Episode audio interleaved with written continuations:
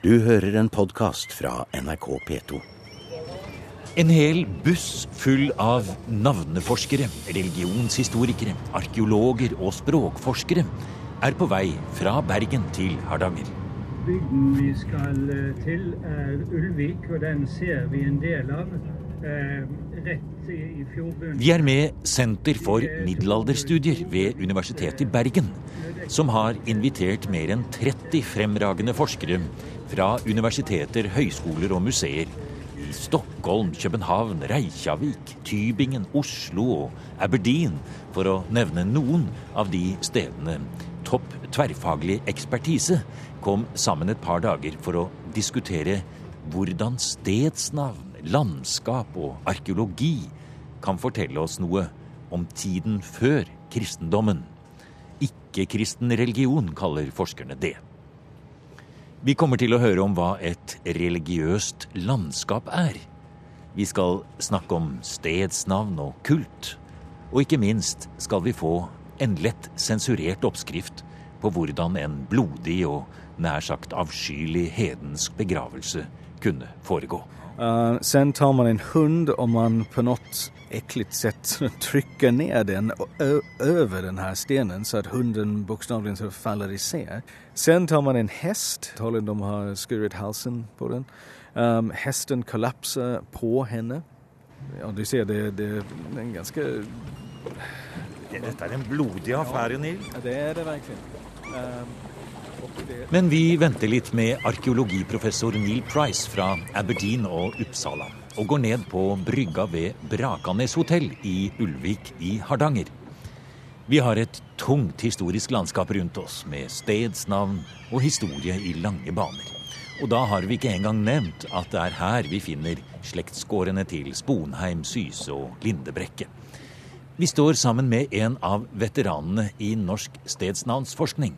Ole Jørgen Johannessen, førsteamanuensis og leder for stadnamnsamlinga ved Universitetet i Bergen.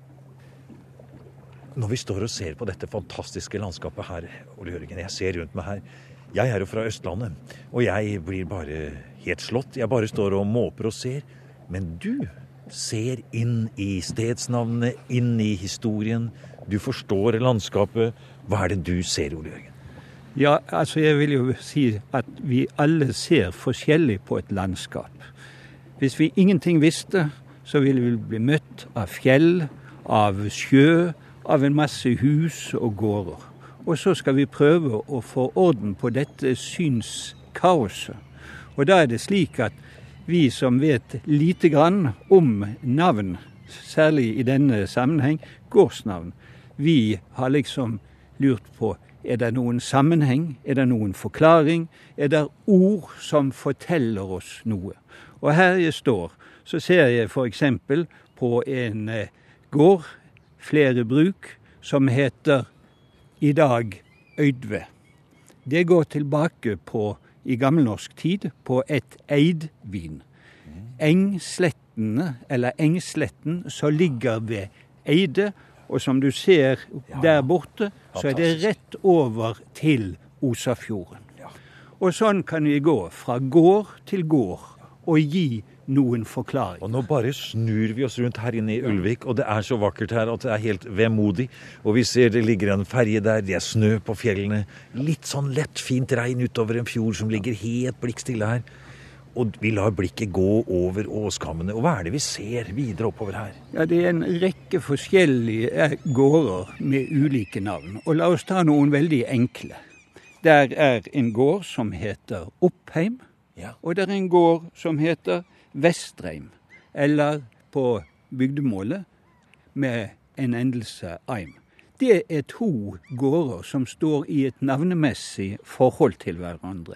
Den heimen, eller gården som ligger oppe, og den som ligger nede. Det går altså fjell ned her som på et eh, postkort, men vi vet at der ute er verden, der ute er hele havet, og det ligger stedsnavn langs fjorden der det ikke bor et menneske.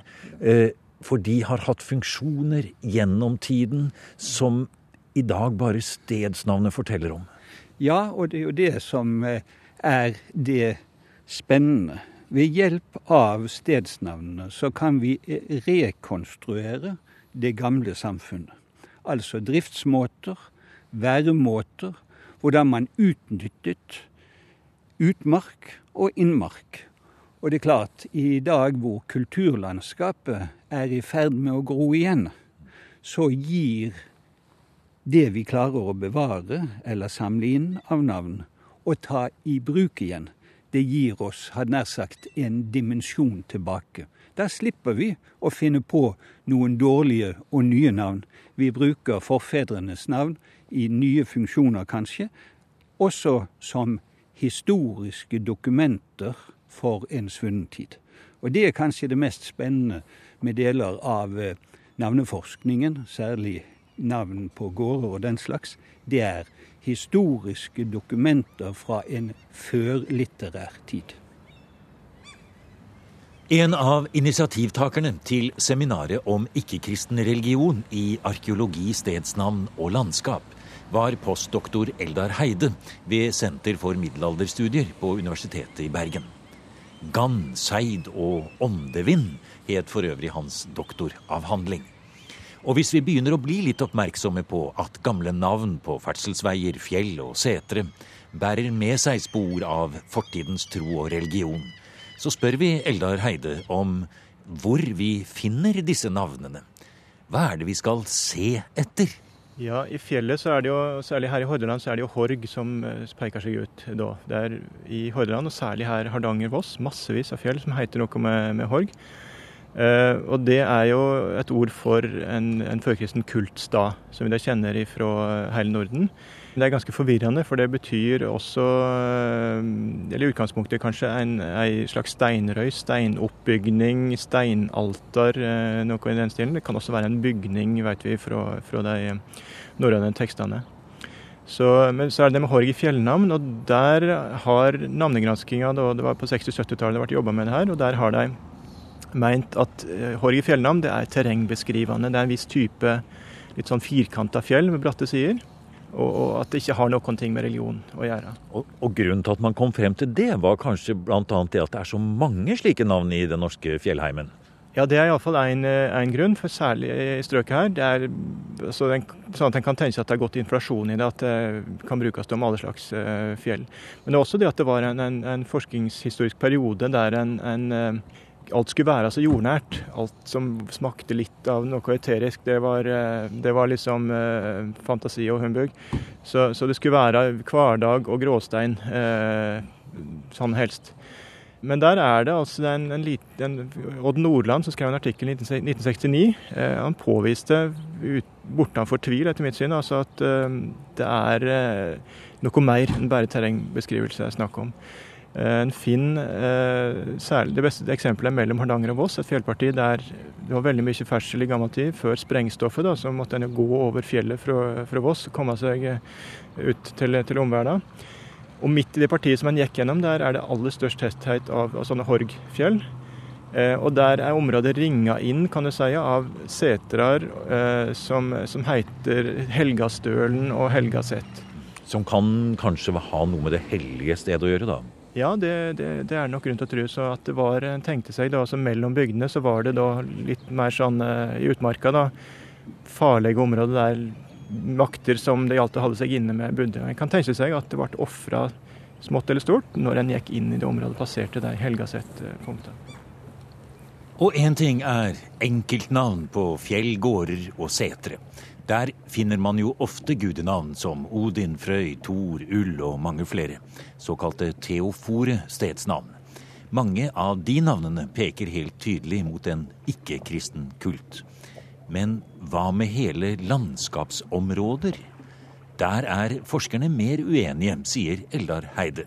Ja, altså I samband med sånne Theofore gardsnavn som det heter, så har en vært lite, tenkt lite på landskapet rundt. Og Der er jo et veldig godt eksempel av uh, Nærøy i, i Sogn. Nærøyfjorden. Og Der har vi jo den sterke indikatoren at det er en turistmagnet i dag. Folk reiser fra hele verden for å komme dit og se.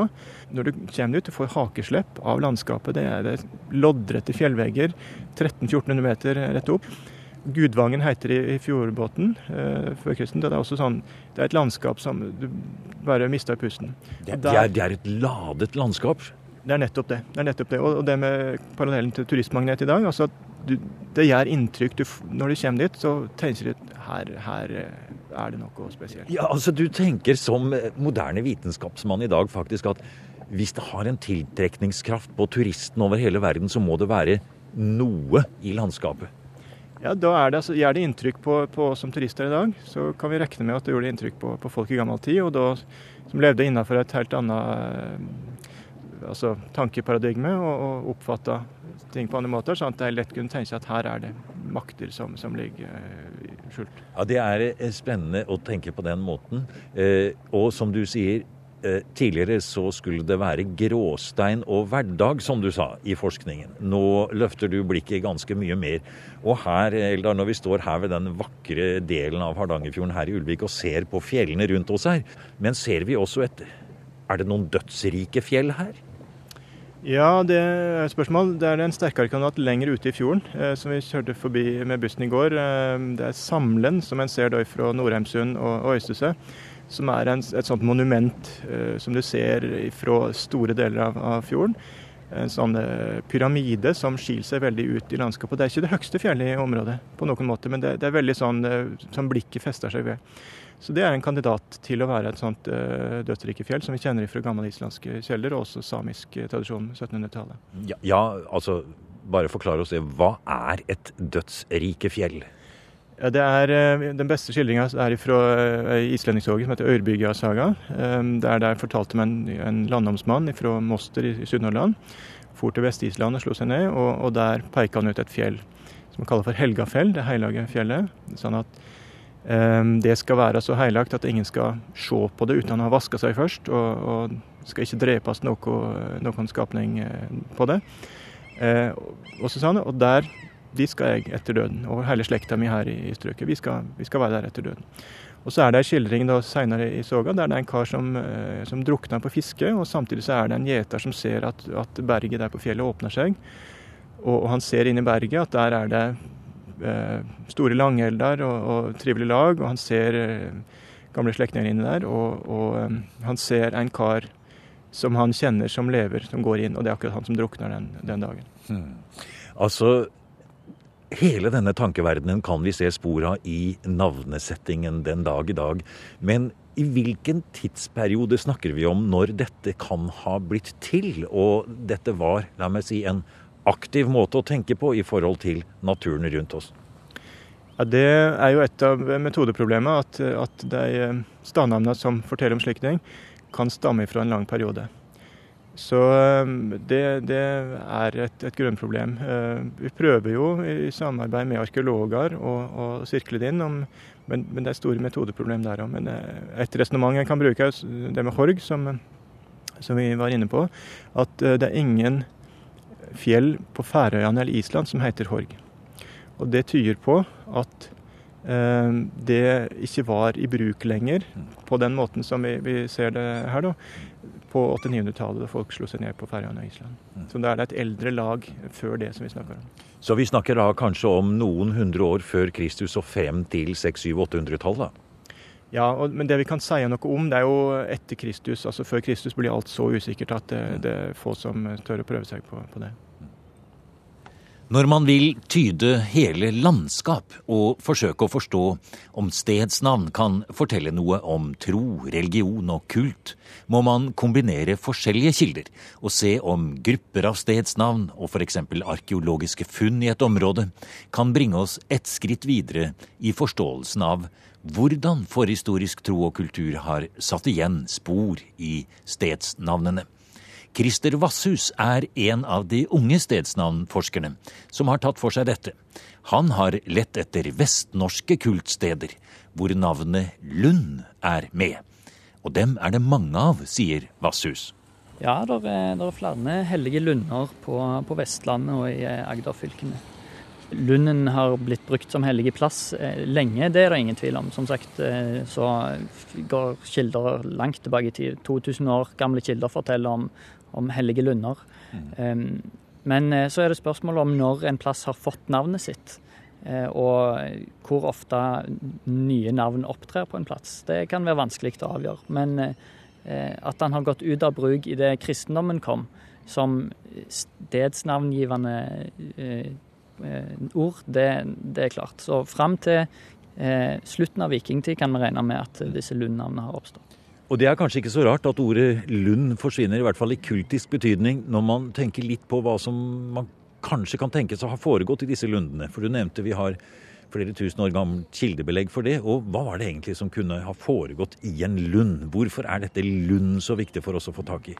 Ja, Lunder det kan, eh, det kan være en plass og er hellige fordi at de har eh, plassert gudebildene og idolene sine der.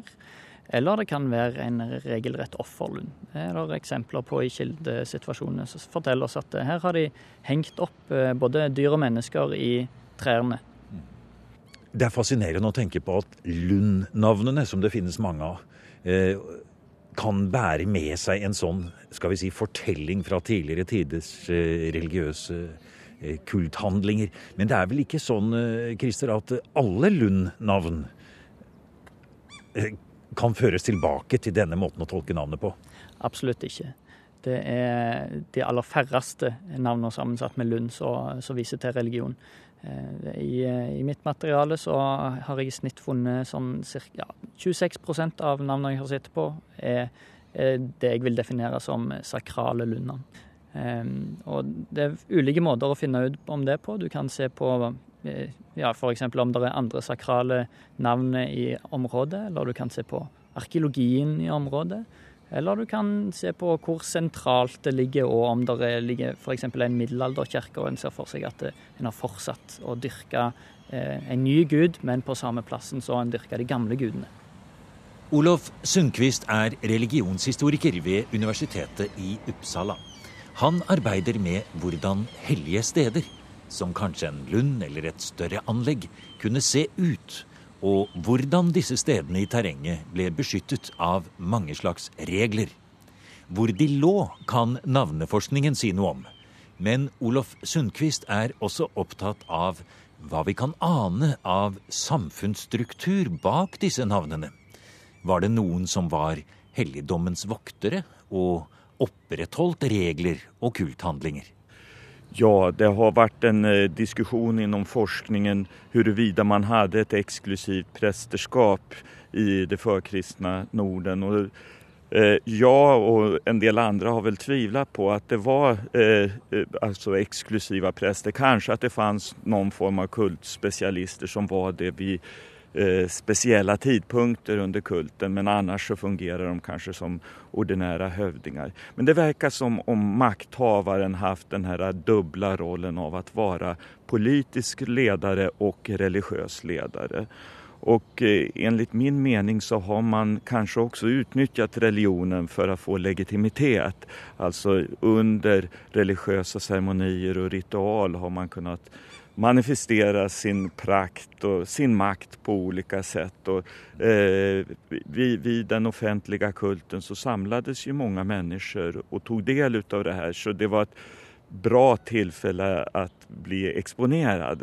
Eh, man hadde jo ikke massmedia, tidningar og så vidare utan det var i samband med kult, ting og så vidare som man møttes og kom sammen.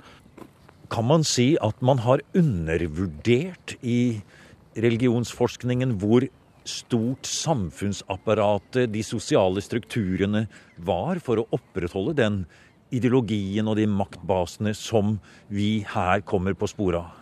Mange ganger har man framstilt det vikingatida samfunnet som primitivt og eh, mye simpelt osv. Det var et høyt organisert et vel eh, strukturert samhälle Eh, som hadde ulike spesifikke funksjoner og sikkert ulike spesialister som eh, var duktiga på lag, som var duktiga på kult, som var, skjøtte ekonomiske angelegenheter vidare. Og når vi snakker om kult i førkristen tid, og kanskje særlig hvis vi går litt tilbake i århundrene før vår tidsregning, så blir det hele nokså usikkert. Hva foregikk? Hvor skjedde det? Hvem var med på det? Vel, kanskje vi kan rekonstruere noe av det, sier arkeolog Neil Price. Han har tatt utgangspunkt i begravelser som store rituelle hendelser. Ved å møysommelig gå igjennom graverapporter og forsøke å lage en kronologisk rekkefølge av når og hvor de forskjellige gjenstander, dyr og mennesker ble lagt ned i gravhaugen, stiger det fram et nesten uhyggelig voldsomt bilde. Så blodig, og jeg hadde nær sagt hedensk, at man bare må gi opp og forstå hvorfor. Men hvordan? Det er det mulig å si noe om, sier Neil Price. Jag tror at eh, f.eks. under vikingtiden en, eh, en begravningsritual det kan, for det første det kan ta veldig lang tid, Kanskje ti dager. En, en tio dagars begravning helt enkelt. Veldig mange mennesker innblandet. Mye rørelse, mye ljud, mye eh, sång og musik. Um, og framfor alt veldig mange ulike handlinger kring just den döde. Nå vil jeg at du skal gi oss et par eksempler på vikingetidsbegravelser, og hva det kunne medføre, hvilket stort ritual og hvilke mange både gjenstander, dyr og mennesker som skulle ofres. Eh, først til Roskilde, og så til eh, Storbritannia, hadde jeg nær sagt, til Isle of Man, hvor du har også et spennende eksempel. Men vi starter med kvinnegraven i Roskilde. Det er en kvinne som skal gravlegges. Ja, hva som hender, er at man har en, eh, ja, en ikke så stort grav, ganske vanlig storlek. En kvinne ligger der på rygg. Uh, vid fotenden av graven finns en reste sten in i graven. Alltså. Uh, sen tar man en hund och man på något äckligt sätt trycker ner den över den här stenen så att hunden bokstavligen faller isär. Man, man, man, knuser på en måte en ja, hund man, over en sten som ligger nede ved føttene til denne kvinnen. Precis. Og der ligger skjelettet ennå når det ja, ble funnet. Ja. Eh, sen tar man olika delar av får eller get. Man, man helt enkelt hacker en får i, i biter och sen strör ut dem i graven. Man hacker upp en geit och strör det ja. ut? Ja. Sen tar man en häst um, och jag tror att man leder den ner in i graven, en levande häst. Och graven är så pass liten att det, det finns inte riktigt plats för den så det måste ha stått på den döda kvinnan. Sen de döda hästen. Uh, vi vet inte riktigt hur, det finns inte så mycket spår på benen så antagligen de har skurit halsen på den. Um, hästen kollapsar på henne. Sen tar de stora delar av en annan kvinnas kropp, inte hela kroppen men bara kroppsdelar och några delar av en mans kropp och också strör ut dem in i, i graven. Sen legger de en veldig stor sten på den første kvinnens ansikte Og sen andre stenar på hesten. Uh, ja, du ser, det, det er en ganske Ja, Dette er en blodig affære, ja, Neil. Det er det virkelig. Ja. Um, og det, det, er ikke lett å gjøre Det er mye, mye møde man har lagt ned på å gjøre det. Og sen fyller man hele graven med små sten og sen en liten haug. Og ut utifrån, det, det ser ut som hvilken gravhaug som helst. Til slutt, Neil Price, så vil jeg at du skal ta oss med til Isle of Man og avslutte en av disse jeg vil nesten si grusomme gravritualene som vi ikke forstår i dag. ikke sant? Vi, vi, vi, fatter ikke hva dette går ut på, men vi får nå et lite innblikk inn i den praktiske og helt konkrete, de handlingene som har foregått ved graven. La oss få høre om en grav fra Isle of Man som du og noen av dine kolleger har studert. Det er en, de er en haugrav, men ikke så veldig stor. Og det som er så spesielt her, det er det som foregikk etter at denne haugen ble lagt over den døde. Ja, det stedet ligger, heter Balletier.